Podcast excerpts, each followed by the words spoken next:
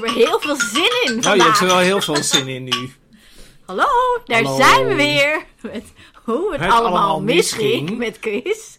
En Tink, dat, het was nog nooit zo rommelig het begin. Ik was heel enthousiast. Je was heel enthousiast, Vandaag want mijn thema. eh, we gaan het hebben over een thema van Tink. Ja, heel leuk. Ja, of eigenlijk, nou Nee, ja, is- nee, helemaal niet. Helemaal het past niet. heel goed echt- in hoe het allemaal Dit is misging. echt een typisch voorbeeld van iets wat echt misging. Maar echt alles ging mis. Ehm, het is inmiddels twaalf jaar geleden. Dat is Ja. natuurlijk de grote vraag. En een paar nu. dagen. De grote vraag van de, eh, aan de gemiddelde luisteraar. Of zij nog weten wat er twaalf jaar geleden gebeurde op 11, 11 maart maart 2011. 2011. Dat zeiden we wel helemaal in koor. Ja, zeker. Zou iemand het nog weten? Ik wist het De niet. datum. namelijk. Nou, mensen in Japan weten dit. Ja, maar de mensen in Nederland, deze, deze datum zegt mensen in Nederland niks, toch? Nee. Zegt mensen eigenlijk in Japan, dan weet iedereen het wel. Ja, Dus in Japan is het een soort zoals wij bijvoorbeeld 6 mei van, oh ja, dat was voor thuis. ja, ja, het is March 11. Zo'n soort, zo'n March soort. 11, ja. Ja. Maar, maar ehm, als wij het er dan over hebben, ehm, dan hebben we het over de kernramp in Fukushima. Ja, daar hebben wij het Daar over. hebben we het over, hoe het allemaal misging met de kernramp in Die Fukushima. was namelijk op 11 maart 2011. Ja, maar in Japan is die kernramp eigenlijk een beetje bijzaak van de daadwerkelijke ramp. Want er was een enorme tsunami. Er was een zeebeving. Mhm. En door die zeebeving ontstond een tsunami.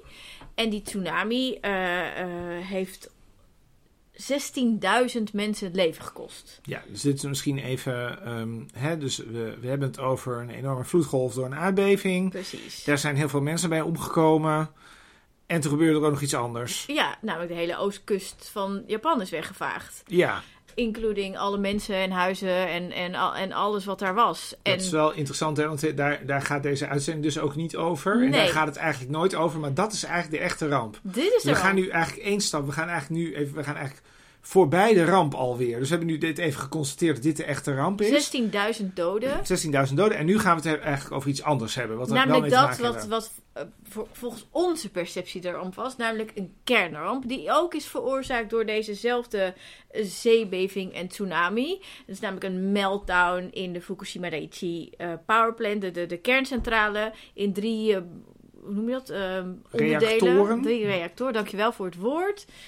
Ehm, en eh, ja, waardoor heel veel mensen, namelijk 160.000 mensen in een gebied zo groot als België ongeveer, moesten evacueren. Is dat groot? Een stuk in een, een, gebied in België op Japanse schaal? Wat, wat is dat? Maakt dat nou, het gebied uit in, in, in omvang, zeg maar, de, Ja. de, hoe groot het is, ongeveer zo groot als België. Ja. Qua aantal mensen dat daar woont, woonde 160.000. ja, wat ik eigenlijk bedoel is, als je een gebied hebt als België en je bent België, dan is het het hele land. En als je, als je een gebied als België hebt in Rusland, dan is het een, een of ander stipje. oh. Meer zo. Is dat, is dat nou significant op, in Japanse Eh, begrippen? nou, ik heb een kaart. Oh. Kan ik dat even laten zien. Ja, het is... Het is, het is laat Tink een kaart ik zien. laat voor een kaart zien. Ja, Hoort maar- dat misschien ook, dat Maar een kaart wordt ja, ik zit te denken, dat heeft helemaal geen zin, want dit is de kaart van Fukushima. Oh, dat heeft geen zin. Nee, dit heeft geen zin. Maar dit is- zijn provincies die, worden, die werden geëvacueerd, Precies, zeg maar. ik zit even te denken, goh, de kaart. eh, is het dan een Ja. tiende of een twaalfde of zo van Japan? Maar dat is dus best wel een groot stuk. Dus het- op Nederland, hè, als je het even naar Nederlandse dan is. Zeeland weg. Ja, zoiets. Dus een hele provincie van Nederland wordt nu ontruimd. Dat is een beetje wat je moet voorstellen. Zoiets, qua, qua verhouding. Ja, maar 160.000 stukje weinig. Kijk, het is. Er wonen natuurlijk. Stel dit zou gebeuren in Tokio, dan moeten er natuurlijk veel meer mensen weg. Want Tokio is een grote stad. Ja, Het- Ik ga, is groot. Ja, is, is, is een grote stad. En dit gebied is zogezegd rural area. Dus het is landelijk gebied Is- met bergen. beetje, dus het is een soort Friesland, zeg maar. Zonder Leeuwarden, zoiets.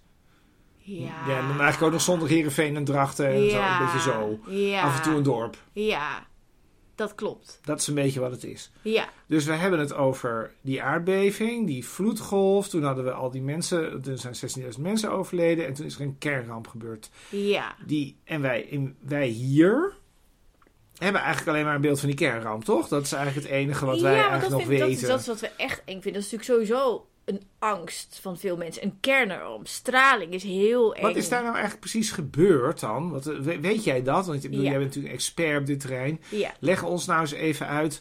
Wat is daar nou precies, wat, wat is er dan daar gebeurd? Wat is daar gebeurd? Nou, er was dus uh, een zeebeving en een tsunami. En um, uh, een, het was een enorme aardbeving. Um, ik weet even niet precies, zeg maar, uh, op schaal van Richter zeg je dan hoeveel het is. Nou, 7 of 8 Heel of zo. ja, wel, 8 zoiets. punt nog wat volgens mij.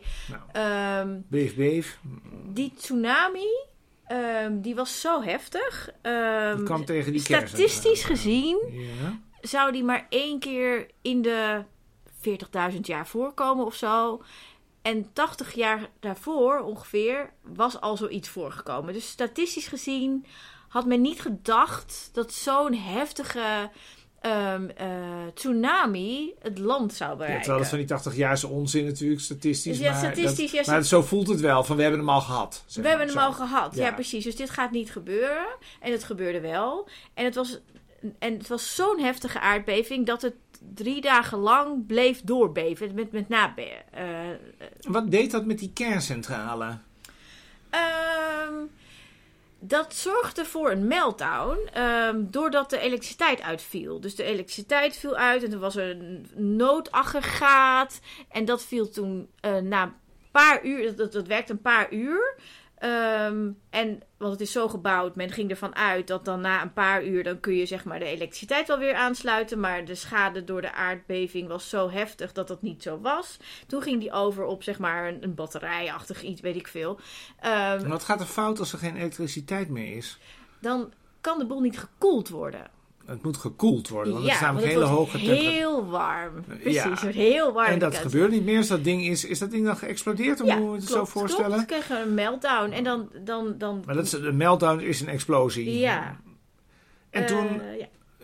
toen radioactiviteit in de lucht. Dan toch komt een beetje... Daar komt de straling We vrij, hebben precies. natuurlijk in Nederland allemaal, tenminste een beetje onze generatie, denk ik. Wij weten allemaal nog, 1986 had je Tsjernobyl. Dat was ook Ja. zoiets. Wat dat was ook huis. zoiets. Ehm, eh, maar er zijn ook eh, verschillen. Eh, namelijk Tsjernobyl... ehm, nee, ja, het, verschil, het grote verschil is dat Tsjernobyl en dichterbij was. Dus dan vinden wij dat nog dat enger. belangrijker. Ehm, ja. En het was midden in het land, hè, midden op een continent. Mhm. Dus dat betekent dat aan welke kant van die centrale je ook woont, zeg maar, over aan elke kant is er, eh, Is er, een- is, er, is er straling is er kans op dat straling. Want die straling gaat met de wind mee. En wat heel veel mensen denken is dat straling dat dat een, een gas is, maar het zijn deeltjes, hele kleine deeltjes. Het is een soort stof. Ja, nog veel kleiner. Je kunt het Ja, niet zien. je kunt het niet zien, je kunt het niet voelen, maar het is een soort Nee, je kunt het ook niet ruiken, je kunt het niet proeven. Dus het is totaal onzichtbaar, maar het zijn wel deeltjes. En die gaan door de lucht, dus die, die gaan mee met de wind. En ehm, eh, wat er eh, bij de Tsjernobyl-ramp gebeurde, is dat, dat, zo, dat het Europa inwaaide. Ehm, in de, bij de ramp, zeg maar, in Fukushima, stond de wind anders. Die ging namelijk naar de zee toe. Ja. Eigenlijk hebben ze daar heel erg mazzel gehad, want die wind ging naar de zee toe, waardoor die stralingsdeeltjes, hè, want dan gaat, die, gaat met de wind mee, en op een gegeven moment gaat het regenen en dan zakt het naar beneden. Die stralingsdeeltjes zijn grotendeels in de oceaan terechtgekomen en daar kunnen ze geen kwaad. Waarom niet? Omdat die oceaan zo groot is, dat de verspreiding zo enorm is.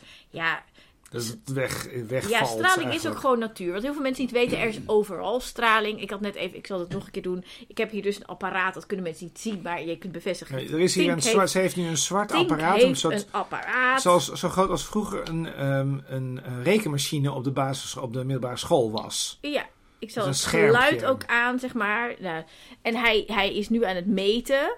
En hij meet, zeg maar, hoeveel microsievert per uur aan straling hier is. Hij is nu nog, die ziet, hoort af en toe een tikje. Dat is van, oh, ik ben aan het meten. Wacht eventjes, wacht Hij eventjes. zegt 59. hij zegt zegt hij. 0,059. Oh, ja. En nu zegt hij 0,094. Dus hij twijfelt Eén, oh, hij is beetje. 100, 104 al. Ja, precies. 113, het gaat omhoog. Ja, dit is heel laag. Wat is dit?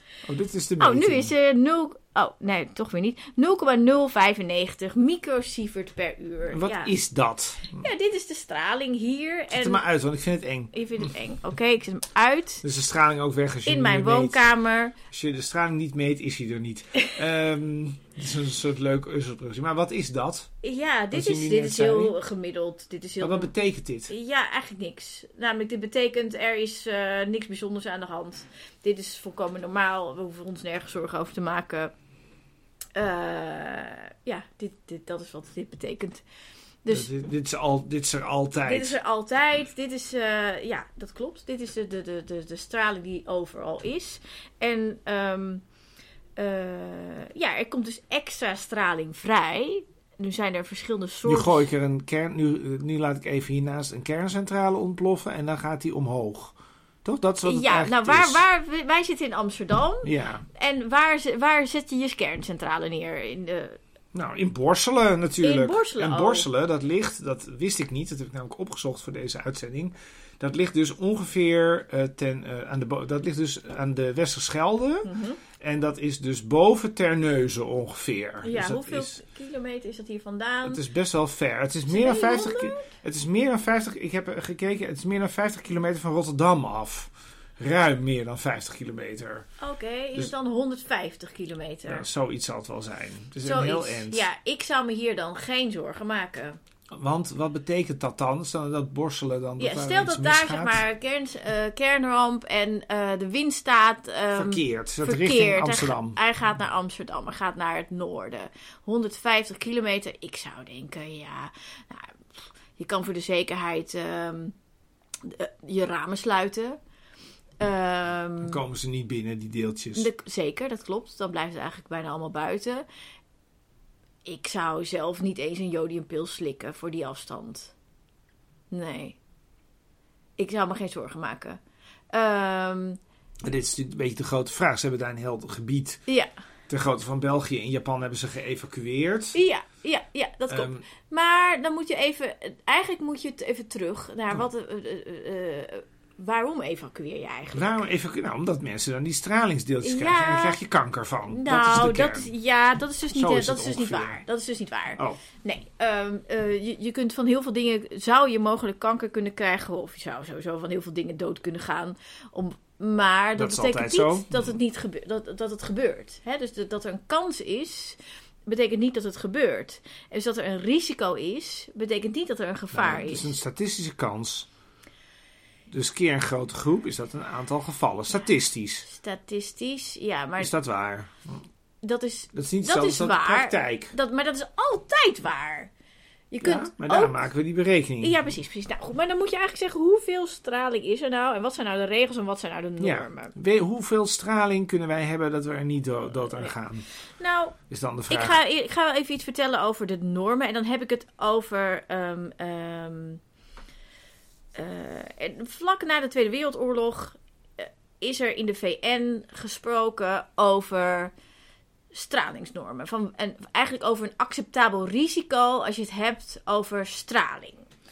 Ehm, we willen namelijk dat mensen in general, waar het ook over gaat, altijd zo min mogelijk risico lopen. Op wat dan ook. Sowieso. Sowieso. Dit, dit klinkt plausibel, toch? Ja? Goed. Ga verder. Nou, Toen is er be- bekeken van, nou ja, als we het hebben over straling, hoeveel risico vinden wij dan acceptabel als we zeggen we willen altijd zo min mogelijk risico?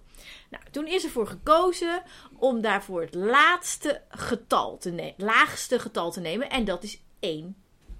1. Dus Er- wat is 1? Ja, je zou ook 0 kunnen zeggen, maar 0 dat is niet, want er is altijd een beetje straling. Dus er is gekozen voor het laagste getal en dat is 1 millisievert per jaar. Vinden wij het hoogst acceptabele risico. Nou, en nu wil ik natuurlijk graag weten. Je hebt hier net de straling gemeten. Als we nou een heel jaar lang in deze straling zitten van 0,095, Zitten we ongeveer op 1. dan zit het op 1. Dus Ja, dit is gewoon. Dus, Dus, dus hebben ze, dus, een dus jaar lang. 1 is eigenlijk niet handig. Dus ze hebben gezegd: oké, oké, we- dat, dat lukt niet, want dat is niet haalbaar. Dus we maken er 1 boven de basisstraling van. Dus je hebt zeg maar de straling die er al is. Dat is Dat is ook één. ongeveer 1 hier. Het wisselt een beetje op waar je bent op de wereld, maar hier is het ongeveer 1. Ehm, dus 1 bovenop dat wat er al is. Dus dan zit je hier op 2. En het klinkt natuurlijk, dit is misschien wel de kern van het verhaal al. Dat, dat, dat, dat is heel subjectief. Dit is, Ja. is onzin. Nou ja, het is gewoon dus een beetje natte vingerwerk van nou, we willen een laag risiconiveau. Dit is het laagste. We willen geen bedenken. kernramp naast ons deur. Dat Precies, willen we niet, want dan hebben we nou, dit zeker heeft natuurlijk niet over met een kern, maar wat vinden we acceptabel Eh, qua risico? Het risico dat we willen lopen en dat we onze burgers willen Maar de vraag is natuurlijk wat er moet gebeuren om zoveel straling binnen te krijgen. Ja, dat is maar natuurlijk de vraag. dit is de afspraak geweest. Ja. Hè? Ehm, maar dan heb je een aantal situaties waarin dit eigenlijk onwerkbaar is. Bijvoorbeeld mensen die ehm, op een eh, eh, eh, radiologieafdeling werken in het ziekenhuis. Dus die mensen mogen in plaats van 1 millisievert per jaar 20 millisievert per jaar. Oké.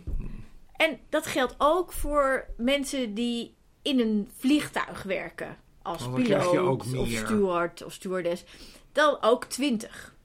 Ja.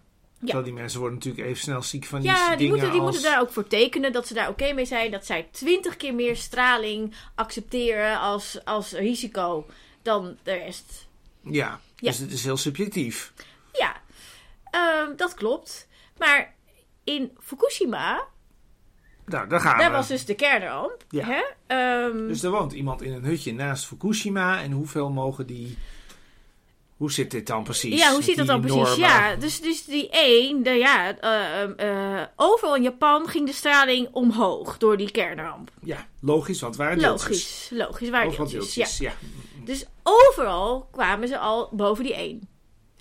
En je kunt niet heel Japan evacueren. Zeker. Dus per direct is het vertwintigvoudigd voor heel Dus Japan. dan hebben ze gewoon gedaan alsof iedereen in Japan op een radiologie... Precies, dat is, dat is direct werkte. gebeurd. Ja. Ja, ja.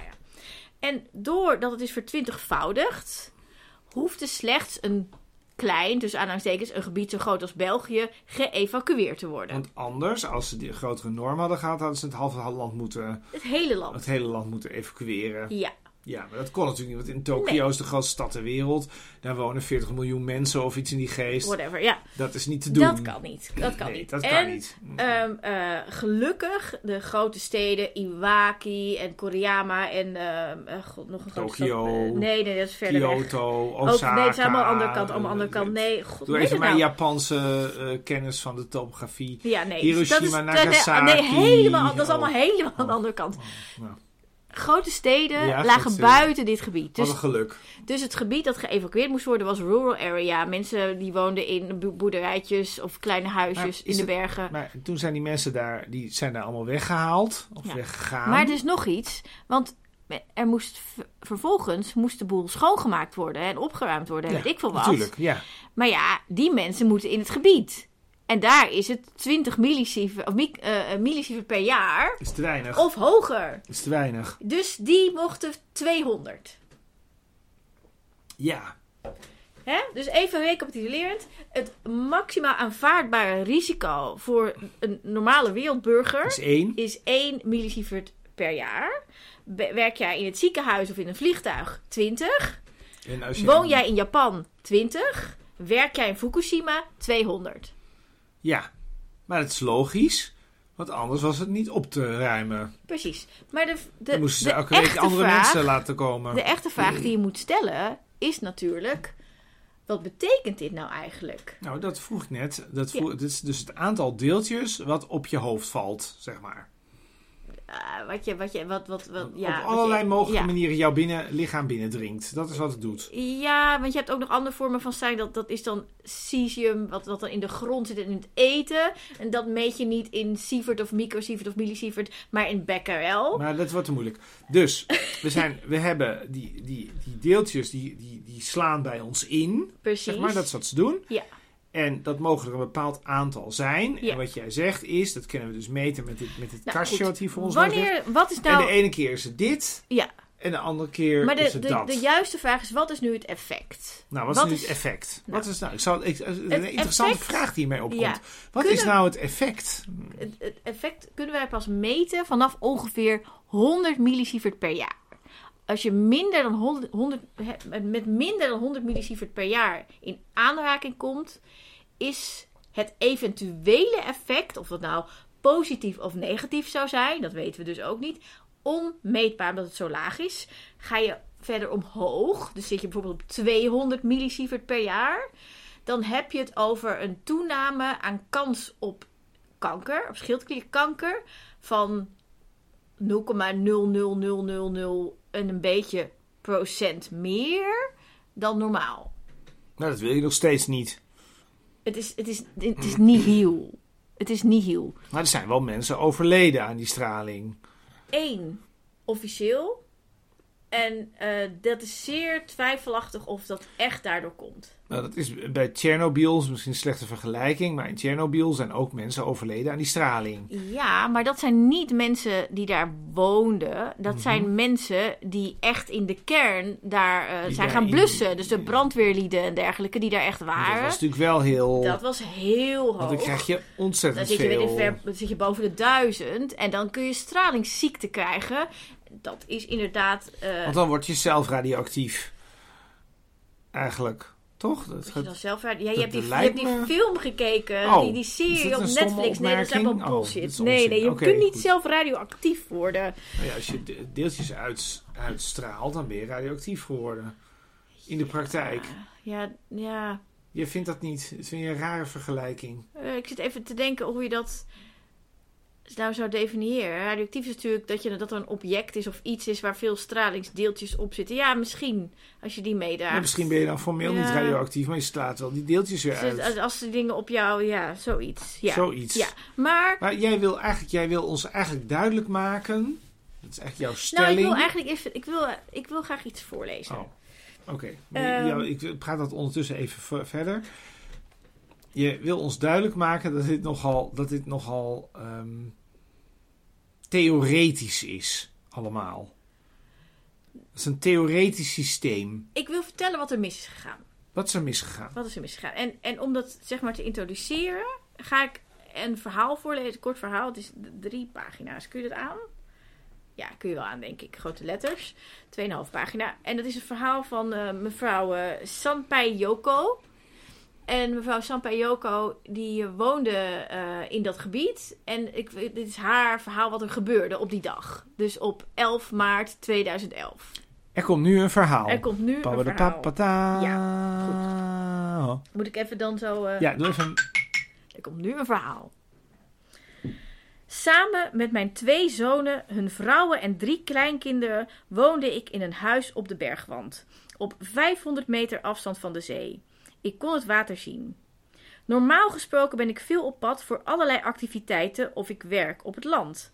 Maar die dag was ik alleen thuis. Ik was ziek en ik lag in bed. Mijn kinderen werkten en de kleinkinderen zaten op school. Alles viel. De ramen klapten en alle spullen vlogen door het huis. Omdat het huis nieuw was, bleven de muren staan. Maar toen ik naar buiten keek, waren de daken van de dertig huizen die ik normaal kon zien verdwenen in een zwarte zee. Het sneeuwde en in de verte zag ik dat er witte rook uit de kerncentrale de lucht in werd geblazen. Er kwam een officieel bericht. Ik hoefde me geen zorgen te maken. Alles was veilig. Maar toen de kleinkinderen thuis kwamen, roken we gas. We volgden de geur door het gruis van de weggevaagde huizen en vonden een lekkende gas gastank. De brandweer kwam. Ze dichtten de gastank. En toen kwam het bericht dat we toch moesten evacueren. Ondanks dat een van mijn zonen nog niet thuis was, vertrokken we toch. Maar de school waar we moesten slapen was te ver weg, dus we sliepen buiten in de auto. Er was nergens water en geen elektriciteit, dus reden we de volgende dag terug naar huis om een campinggasstel op te halen. Maar precies op dat moment ontplofte de reactor. We moesten de regio zo snel mogelijk verlaten, naar Kawauchi. Kawauchi is normaal gesproken 30 minuten rijden vanaf ons huis. Maar die dag deden we er 5 uur over de rit. Onderweg stopten we bij winkels, maar nergens was nog iets te eten. Toen we eindelijk in Kawauchi kwamen, bleek er capaciteit voor 3000 mensen. Maar we waren met 16.000. We belanden in een gymlokaal van de school waar we op de harde vloer probeerden te slapen. Gelukkig konden we daarna naar mijn dochter in Sakugara. Dat ligt nog net in de provincie Fukushima tussen Koriyama en Tokio in. In de eerste twee maanden lukte het me niet om uit bed te komen. Ik was zo moe. Mentaal was ik gebroken. Ik kon zelfs niet lopen. Toen we daar al vier maanden logeerden, kreeg ik een bericht van de overheid dat ik een tijdelijke woning kreeg. In het opvangkamp waren 400 mensen uit Tomioka geplaatst, maar ik kende bijna niemand. Daarom sloot ik me aan bij een dansgroep voor ouderen en nam ik plaats in een buurtcommissie. Hierdoor raakte ik langzaam gewend aan de nieuwe omgeving en de 400 bewoners. Maar toen bouwde de overheid nieuwe huizen waar iedereen naartoe verhuisde en viel de groep uit elkaar.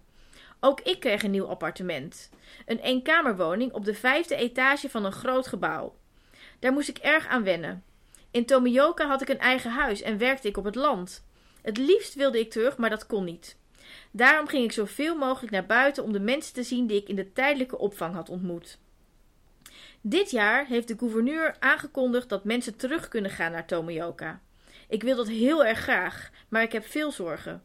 Slechts de helft van de regio is opgebouwd en waar ik woonde stonden de huizen van tien families bij elkaar. Echter niemand anders wil terug. Als ik de enige bewoner ben, dan durf ik niet. Ik zou eenzaam zijn en ik heb geen rijbewijs, dus ik zou totaal geïsoleerd leven. Er zijn wilde zwijnen die inbreken in de huizen. Maar ik ben niet bang voor de straling, want ik ben toch al oud, dus ik leef niet meer lang. Ook mijn kinderen willen niet terug, omdat mijn kleinkinderen ondertussen ergens anders op de middelbare school zitten. Ik moet het dus echt alleen doen. De lokale festivals waar ik zoveel van hou zijn onlangs weer opgestart in Tomioka. Ik zou er zo graag naartoe gaan, maar het is twee uur rijden vanaf de plaats waar ik nu woon. Het maakt me verdrietig, want ik mis mijn huis en ik wil graag terug. Ik voel me in de steek gelaten. Er zijn veel mensen zoals ik, maar ook voor hen is de situatie in Tomioka te moeilijk om er weer te gaan wonen. Er zijn veel nieuwbouwhuizen gebouwd in het centrum. Dat zou een perfecte oplossing voor me zijn. Maar daar mogen alleen gezinnen wonen en ik ben maar alleen. Voor oude mensen is een appartementencomplex, maar dan woon ik weer met andere mensen en dan durf ik mijn voordeur niet open te laten staan. Terwijl ook dat gevaarlijk is, want als er dan iets met me gebeurt, dan kan de dokter niet naar binnen. Ik ben bang om met mensen te wonen, behalve met vrienden. Dat zou ik wel willen, met vrienden in een normaal huis wonen, maar niemand gaat mee. Heel soms ga ik terug, tijdens speciale dagen om mijn voorouders te eren bij hun graven. Tijdens de ramp, toen we moesten evacueren, ontstond al snel rivaliteit omdat er te weinig opvangcapaciteit was. Dat mag nooit meer. De overheid moet een beter systeem bedenken voor als het weer misgaat. En als er iets misgaat, dan mag het nooit meer een kernramp zijn. Want zelfs als een stad na jaren wordt herbouwd, het wordt nooit meer hetzelfde. En dat is heel erg. Daarom moeten alle kerncentrales dicht. Wist u dat er in Tomioka slechts 24 mensen zijn overleden door de tsunami? Niemand door de straling van de kernramp.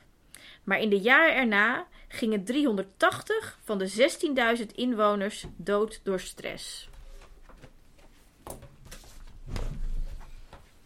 Ik bedenk mij nu dat we nu even weer een riedeltje moeten doen. Moet je een riedeltje?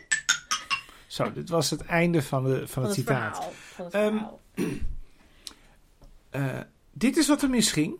Dit is wat er misging. Nou Wat ja, dit is wat er allemaal misging. Er ging natuurlijk heel Dit is veel natuurlijk mis. één verhaal van uit een, een, Ja. een, du- een verhaal van voor, duizenden. voor, voor wie luistert en denkt, wat weet die Tink daarvan? Ik, ik, ben, Je bent daar geweest. ik ben daar heel vaak geweest. Dat is heel vaak Ik geweest. ben daar heel vaak geweest en ik, ik heb daar lang...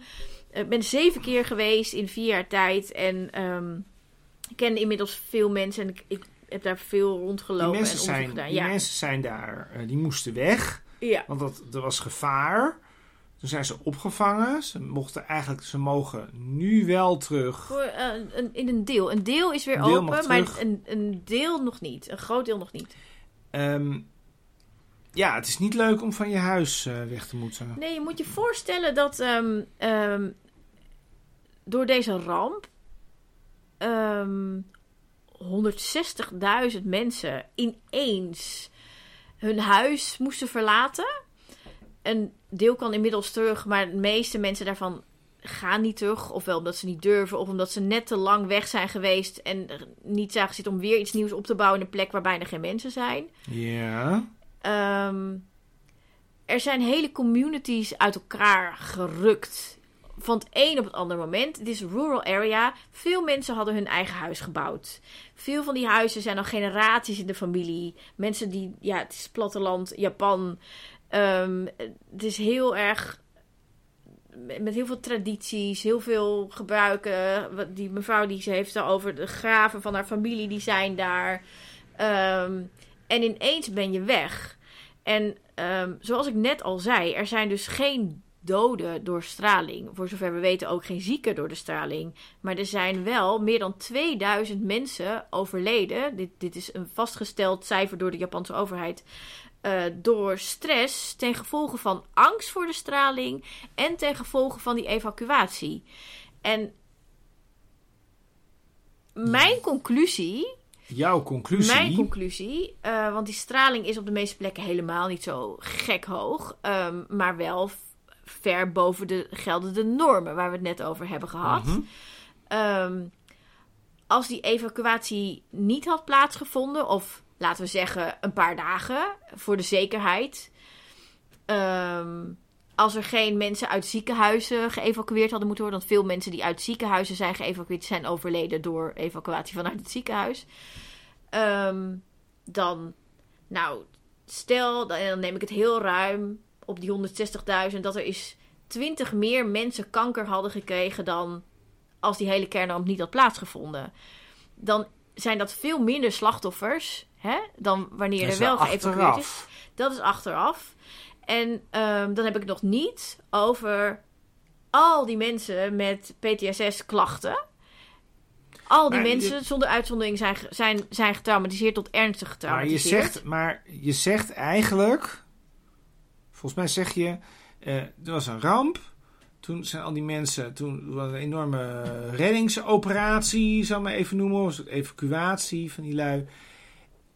En je had ze er eigenlijk ook gewoon kunnen laten zitten. Ja. Dat is wat je zegt. Ja. Want, zeg jij, dan was die stress er niet geweest. En was die ontruimings, dat, dat, die, dat die PTSS was er dan niet geweest. En dan had je, um, en dan waren er wel mensen overleden aan die straling. Maar dan moest je wel heel dicht bij die reactor geweest zijn, zeg maar, toch? Dat is wat je in feite zegt. Want de, want de ja, kans van of die je mensen hebt zeg maar door de wind heb je een paar van die, van die hotspots, noem je dat dan. Dat, is dan dat, dat, dat kan ook best wel uh, kilometers van die reactor af zijn. Heb je hotspots. Het is dan gewoon dat, het, dat, dat heel veel van die stralingsdeeltjes met de wind meegaan. En je gaat dan op een gegeven moment gaat de wind zo in een rondje draaien. En dan blijven al die stralingsdeeltjes op één. Dus ik, ik, ik ben ook wel op zo'n hotspot geweest. Dan ineens dan gaat je Geiger teller heel ver omhoog. Dat je denkt, wat de fuck gebeurt hier? Um, dat kan. Dan nog betekent dat niet dat je kanker krijgt, maar het verhoogt het risico. Maar ja, nee, ik, ik denk. Uh, mijn, mijn, mijn, mijn guess zou zijn dat er dan 20 mensen meer kanker hadden gekregen dan dat er normaal mensen kanker krijgen. En al die stress en dat trauma, dat heb je dan nou, niet. één vraag die het natuurlijk helemaal onderuit gaat halen. Hmm. Zo. Eén vraag die het helemaal onderuit gaat halen. Dat is knap, ja. Try me, try me, ja. De vraag, kijk, dat kun je natuurlijk wel zeggen. Ja. Maar um, even vanuit dat het, helemaal, dat het allemaal klopt. Daar Ja. even meteen vanuit. Ja. Maar dan hebben we- wij hebben wel geleerd, met elkaar, dat wij ontzettend bang moeten zijn voor straling. ja, dat is het probleem. Nee, maar wacht even, Ja. stop. Dat moeten we met allemaal geleerd. Dus jij zegt wel, die mensen zouden geen PTSS hebben gekregen als ze daar gewoon hadden blijven zitten. Hm. Maar dan hadden ze ook PTSS gekregen. Dan hadden al die mensen gedacht, hadden heel veel mensen gedacht. Ja, maar wacht nou eens eventjes. Ik zit hier in een, in een gebied en er komen allemaal stralingsdeeltjes om me heen. En daar Ja. kan ik allemaal dingen van krijgen. Want dat is namelijk de, imme- dat is namelijk de, de respons stress. die iedereen Ja. geeft. En dan krijgen die mensen daar ook stress van. En dan gaan ze ook dood. Zo, nou jij weer. Ja, nou, het, een paar Vond ik dingen. heel slim een paar van dingen. Nou, dit. ja, precies. Ehm, eh, het is natuurlijk een verschil met dat je ineens moet evacueren. Of dat je kunt kiezen om weg te gaan. Ja, Dat is echt een groot verschil. ja. Ehm, en ik, ik zeg niet niet evacueren. Ik zeg een paar dagen evacueren. Zodat je kan meten en even eh, dat het ergste weg is. En weg kan waaien. Eh, en dan kom je terug. De- dus dat is iets heel anders dan dat je twaalf jaar nadien nog steeds hè, eh, een groot deel eh, niet toegankelijk is. Want Ehm, dat vind je sowieso onzin. Even, bedoel, dat is... Dat, dat- ja, nou de reden dat zeg maar een groot deel nog steeds ontoegankelijk is, heeft ook te maken met dat er zoveel huizen zeg maar zijn verlaten en zijn ingestort en dergelijke. En daar staan natuurlijk ook allemaal waardevolle spullen van mensen, zijn ook achtergelaten. Dus het is ook dicht om de bezittingen van mensen te beschermen. Maar daar kunnen ze natuurlijk langzamerhand wel een beginnetje mee maken. Ja, je mag erin als je zelf bewoner bent. Ehm, ik ben er ook een paar keer wel geweest in die red zone. Want zo heet dat ding. Red zone, exclusion zone. Ja, dat klopt. Dat is dan, eh, ja, Okuma, dat is het dorp waar dan die sta- staat in, in een... Nou ja, goed. Eh jazeker, ik ben daar een aantal keer geweest. Ehm, ja, je kan daar gewoon zijn.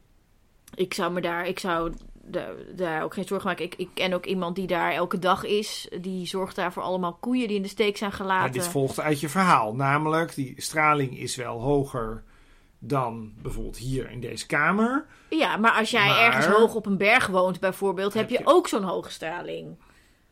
Ja, want dat is natuurlijk waar je mee moet. Je kunt het is maar de hele tijd van waar vergelijk je het eigenlijk mee? Ja, Ja. precies. Dus, Maar en- betekent dit dan dat onze hele, dat onze, want dat is natuurlijk dan een beetje de conclusie. De conclusie is dan dat wij helemaal niet bang hoeven te zijn voor kernrampen. Ehm, Het is wel fijn hoor, als we eens een keer ja. ergens niet bang voor hoeven te Ja, zijn. zeker hele fijn, ja. opbeurende Het ding boodschap. is ja. dat het, het, die wereldwijde normen gelden nog steeds. Dus nu is het natuurlijk eh, dat er best wel veel gesproken wordt over... moeten wij kerncentrales gaan bouwen, ook in Nederland. Zeker, we willen twee kerncentrales erbij in Borselen.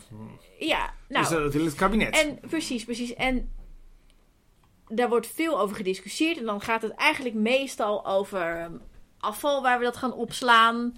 Ehm, wat ik mis in die discussie is de norm. Want stel, er is een ontploffing in Borselen. Dan volgens de norm moet heel Nederland geëvacueerd worden. En een deel van België, en een deel van Duitsland, en Luxemburg. Dus ik was met mijn, met mijn eigen berekening, ik vond mezelf heel serieus aan het voorbereiden. Ik dacht, Vlissingen, dat is minder dan 10 kilometer van Borselen af. Ja. Eh, ik dacht, dat, dat zal wel geëvacueerd moeten worden. En dacht, nou ja, Rotterdam, dat is dan toch zeker wel 50 kilometer of zo. Dat is al, maar dat moet ook. Ja, dat denk ik Dat wel. Ja. ja, het allemaal. hangt natuurlijk van de wind af Groningen en ook? alles. Ook? Zou ze in kunnen. Of misschien een moeten we allemaal in Groningen gaan zitten. Nou, Dat is eh, een grote ramp. En jij zegt eigenlijk, we moeten die normen veranderen. Die norm, die- het maximaal aanvaardbare risico dat nu op 1 millisievert zit, dat wordt vertwintigvoudigd bij een ramp, naar, hè, dus naar 20 en nu heb ik ook millisievert weer een hele jaar. slimme ingeving. Nu denk ik, als nou, als nou dat zo'n ramp zou gebeuren, Ja, dan, dan worden die normen aangepast. Want anders moeten we allemaal geëvacueerd worden. Dat ja kan maar helemaal het- niet. het- wat, wat er, dus Zo deden ze dat in Japan ook. Nou, wat er in Fukushima is gebeurd, stel je voor. Hè? Ehm, nou, laten we het even naar Nederland verplaatsen. Dan, eh, om je in te leven, zeg maar, wat er dus in Japan echt is gebeurd. Stel, in, er is een kernramp in Borselen. Ja. En ehm, direct worden de aanvaardbare normen van de hoeveelheid risico wij aanvaardbaar vinden, wordt vertwintigvoudigd. Ja. Ja.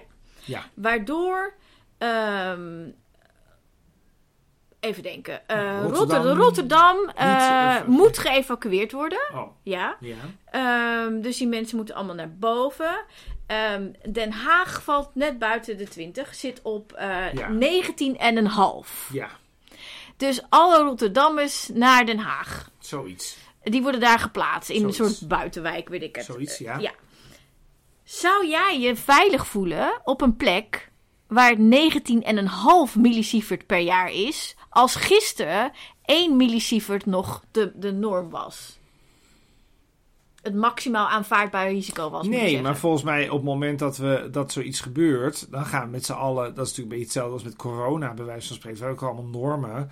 En toen gingen we met elkaar ook heel erg over die normen zitten discussiëren. Want die werden, en die werden ook Maar steeds minder belangrijk. Wat, wat gebeurt heen. er op het moment dat er een ramp is? Want straling vindt bijna iedereen eng. Mensen, en zeker mensen die hier niks van af weten, vinden straling eng. Nou, even voor de helderheid, er ligt hier dus een, een, een kastje voor mijn, voor mijn Dit neus. is een Met een meetinstrument. safe, safecast staat erop. En het ziet er heel erg dreigend uit. Safecast is een bang- organisatie die wereldwijd straling meet. Je wordt al bang, je wordt al bang voor straling als je het, als je het kastje ziet. Niet eens voor de straling zelf. Ja. Kijk, de meeste mensen die niks van dit soort zaken afweten, en dat zijn de meeste mensen, die ehm, vinden straling, het idee van straling eng. Een kernramp, als dat in de buurt is en de straling gaat omhoog en je moet evacueren, is heel eng. En als je dan hoort dat je naar een plek moet evacueren die nog steeds 19,5 keer meer straling heeft dan dat in de rest van de wereld als acceptabel wordt gezien, dat voelt niet veilig. En dit is precies wat er in Japan is gebeurd. Mensen zijn geëvacueerd naar plaatsen zoals Koriyama. Dat is een vrij grote stad in de provincie Fukushima ook. Ehm, dat was echt net op de rand, net buiten die 20 millisievert rand. Mensen daar durfden niet meer naar buiten. Mensen daar die durfden hun kinderen niet de meer buiten laten Maar wat is spelen. de oplossing? De oplossing is de eh, eh, aanvaardbare normen voor risico verhogen. Bijvoorbeeld naar. Flink verhogen. Ja, ik zou zeggen naar eh, 200 millisievert verhogen. Van 1 naar 200. Als je dat doet Ja. en er, is, er vindt een ramp plaats, Ja. of dat nou Hoeven hier die is. mensen allemaal niet weg. Of, of in Oekraïne, hè, waar, wat eh, Nou ja, het zeker... Wordt precies, steeds gebombardeerd en zo. Precies. Ja, Ehm, als je dat nu verhoogt, en eigenlijk is nu een slecht moment, ik zou, dat had eigenlijk voor de hele oorlog in Oekraïne had het moeten gebeuren. ja. Want nu vinden dat mensen dat verdacht. Dat had moeten gebeuren op het moment dat er gevoelsmatig geen risico was ergens. ja. Eh, maar goed, daarvoor is het nu te laat. Stel, we doen dat vandaag. Mhm. En er vindt een ramp plaats. Dan hoef je niet op het moment van die ramp, dus op het moment dat mensen al in extreme stress en angst zijn, dan hoef je dan niet te verhogen. Ehm, maar dan is het al gebeurd. Dus dan is dat niet de stress. Dus dan kun je zeggen: Oh, de straling is hier niet zo hoog, we hoeven niet weg. Alleen maar in de 10 vierkante kilometer En dan eromheen. is, er ook minder stra dan is er ook minder risico aan het bouwen van een kerncentrale in Nederland. Nee, er is niks veranderd, maar er, er is, er dan is het risico lager. Precies, want, want angst en die stress je, ehm, is een veel groter risico. En ook, ehm, stel dat er een kernramp zou plaatsvinden in Oekraïne, wat echt wel zou kunnen, hè? dat het Ja. daar misgaat, eh, nu Ja. of morgen of eh, Ja. binnenkort. Je moet je voorstellen dat ook militairen daar heel bang voor zullen zijn. Dus mensen zullen daarvan wegtrekken, want mensen zijn bang voor de straling. Dus het kan ook ingezet worden als wapen. Straling waar mensen bang voor zijn, waar je niet bang voor hoeft te zijn. Ja. Begrijp je wat ik zeg? Ja, ik begrijp wat je... Je bent Ja. niet achterlijk. Nee, maar je kijkt me aan alsof, niet alsof ik iets heel raar Ik zeg. ben niet achterlijk. Ja. Dus, De luisteraar van deze podcast trouwens ook niet. Ja. dus als je kerncentrales, eh, als je het wil uitbreiden in de wereld, in Nederland, dan denk ik dat... Ontkom je hier niet aan. dan ja, het ingewikkeld is dat deze normen zijn vastgesteld door het IAEA. Dat is een, een, of- Een van, de, van, de, van, VN. Ehm, de International Atomic Energy Agency. Ehm, en eigenlijk alle stralingsdeskundigen, alle experts, die, die zitten daarin. En die hebben zelf gelobbyd voor die 1 millisievert. Dus dat betekent dat het heel ingewikkeld is om dat ook te veranderen, omdat het hun eigen idee is geweest. Dus ze moeten eigenlijk lobbyen tegen hun eigen lobby. En dat maakt het zo ingewikkeld. Dus wat er nodig is, is dat er politiek, niet alleen Nederland, maar wereldwijd, dat er druk komt dat dit omhoog moet. Tot zover onze boodschap voor de wereld. Oké. Dan komen wij nu tot ons vaste eh, moment Ja. van positieve woorden. Aardige woorden. Aardige woorden, een aardige boodschap voor mensen die iets goeds hebben gedaan in de Ja, wereld. ik heb iets over mensen, meervoud. Oh, Ja, nou, ik kon niet begin kiezen. maar. Ja, binnen Ja. de context van het verhaal. Jij buiten de context van het verhaal. Nee, helemaal niet. Ik ben hartstikke in de context van het verhaal. Oh, ja, echt? hoor. Ja, Oh, ja. niet gedacht. Oké, oké. Ja, ik wil dus deze keer over twee mensen iets aardigs zeggen. Omdat ik gewoon over twee mensen iets aardigs te zeggen heb. Ik ben dus zelf veel in Fukushima geweest. Ik heb daar een boek over geschreven. Oh, gingen we daar ook nog iets over Het zeggen? gevaar van angst heet het. We gaan het op het laatst zeggen. We gaan het het laatst zeggen. Ehm, ik heb daar een boek over geschreven. Ehm, en bij die boekpresentatie zaten ineens een aantal mensen in de zaal die ik helemaal niet kende. eh deskundigen op het gebied van straling. En dat waren onder andere, dat zijn de mensen over wie ik nu aardig dingen zeggen, Marco Brugmans. Hij is het hoofd van de Autoriteit Nucleaire Veiligheid en Stralingsdienst, de ANVS in Nederland. En Lars Robel. En hij is stralingsdeskundige en hoofdstralingsdeskundige afdeling bla bla, bij het RIVM. Ja. En ehm, deze mensen hebben mij, die zij zitten heel erg in die stralingswereld, zeg maar. ehm, wat allemaal experts zijn, allemaal een beetje een nerd, zeg maar, die dit allemaal heel leuk en interessant vinden. En die hebben mij echt omarmd. En daardoor ehm, ben ik een beetje die stralingswereld ingelopen. eh, met mijn eh, ehm, voet in de klei expertise. Namelijk heel veel daar rondlopen. En, en echt zien en meten zelf wat er aan de hand is. En zij staan echt heel erg open voor ehm, Ja. ervaringen en ideeën en, en dingen die aan de hand zijn in de wereld. En ik, ik, ik vind dat buitengewoon ehm, Goed. te waarderen. Nou, dat is mooi. Ja, dus Lars Robel van het RIVM en Marco Burgmans van ANVS. Nou, ik wil ook graag iets positiefs zeggen. eh, iets aardigs zeggen. Namelijk over Joost Eertmans. Dat, ik, dat had je net al van tevoren gezegd en ik dacht al, huh? Ja, Waarom? dat komt nooit voor. Dat gekke is namelijk, dat is heel Dat raar. is voor het Op een eerst. of andere manier worden er nooit aardige dingen gezegd over Joost Eertmans. Maar ik dacht, in de We context gaan van hem dit dus deze verhaal... button sturen over... Zeker. Ja, oké. Ehm, dat is namelijk omdat we hebben in Nederland, kijk, dat is een beetje meningsgevoelig. Waar moeten wij onze, waar moeten wij onze energie vandaan halen in Mhm, Nederland? Hè? De, mhm. de olie is niet goed en de, en de steenkolen zijn niet goed en de windmolens zijn eigenlijk ook niet goed. En de andere mensen vinden de zonnepanelen weer niet goed. Het is eigenlijk nooit goed. En ehm, nou, volgens mij is Joost Eertmans een van de belangrijke mensen in Nederland die steeds weer de kernenergiediscussie aanwakkert. En die vindt dat er in Nederland kernenergie moet komen. En uit zijn politieke hoek, dus eigenlijk is de hele politieke hoek die ik hier probeer te prijzen. helemaal rechts, bedoel je? Probeer raar rechts. Alles rechts Alle raar rechts ehm, heeft dit toch in Nederland op de agenda gezet. En ik dacht, nou, wie is nou een nette ehm, representant van deze politieke hoek die dit in Nederland op de agenda heeft weten te krijgen? Joost Eertmans. Dus ik wil Joost Eertmans daarvoor prijzen. Ehm, aardige woorden voor Joost Eertmans. Ben jij voor kernenergie? Ja, ik denk dat ik voor kernenergie ben. Ja, In Nederland? ja ik denk het wel. Ja. Oké. Het, kan, altijd- het kan altijd nog misgaan. Maar ik zal erover nadenken of ik dan een Ja. structurele mening heb. Dan komen wij nu aan het cadeautje. We hebben een cadeautje. We hebben een cadeautje voor jullie allemaal. Nou, dat is trouwens niet waar. Nee. Voor, voor twee van jullie. Voor twee. Ja, voor twee. Ik heb namelijk een boek geschreven, inmiddels al een paar jaar geleden. En dat heet Het gevaar van angst. Met als ondertitel Hypochonderen in Fukushima. Het is een heel mooi boek met allemaal verhalen. Er staat ook een kaartje in. Dan kun je het kaartje zien wat we net hier hebben bekeken. Maar dat en wat je dus niet foto's. zien. En En foto's en individuele verhalen. En het is gewoon, en het leest nog lekker weg ook. Zo. nou, dat boek, dat gaan we weggeven. En het is roze, dus het valt ook heel erg op in je boekenkast. Heel handig. Heel handig. Heel handig. En aan twee luisteraars. Die, Die, ja, deze podcast gaan delen. Dus de link naar deze podcast op social media. En, eh, maar dat moeten wij natuurlijk ook weten. ja, Dus dan, moet ons eh, wel even taggen. dan moet je ons taggen. Dus wat doe je? Je deelt de link naar onze podcast. En je zegt er iets heel aardigs over. Ja, dat helpt. wij heel goed Daar zijn, zijn wij gevoelig voor. Daar zijn we zijn we gevoelig voor. ja. Ja. Ehm, en, en moet je even dus Chris en, en mij taggen.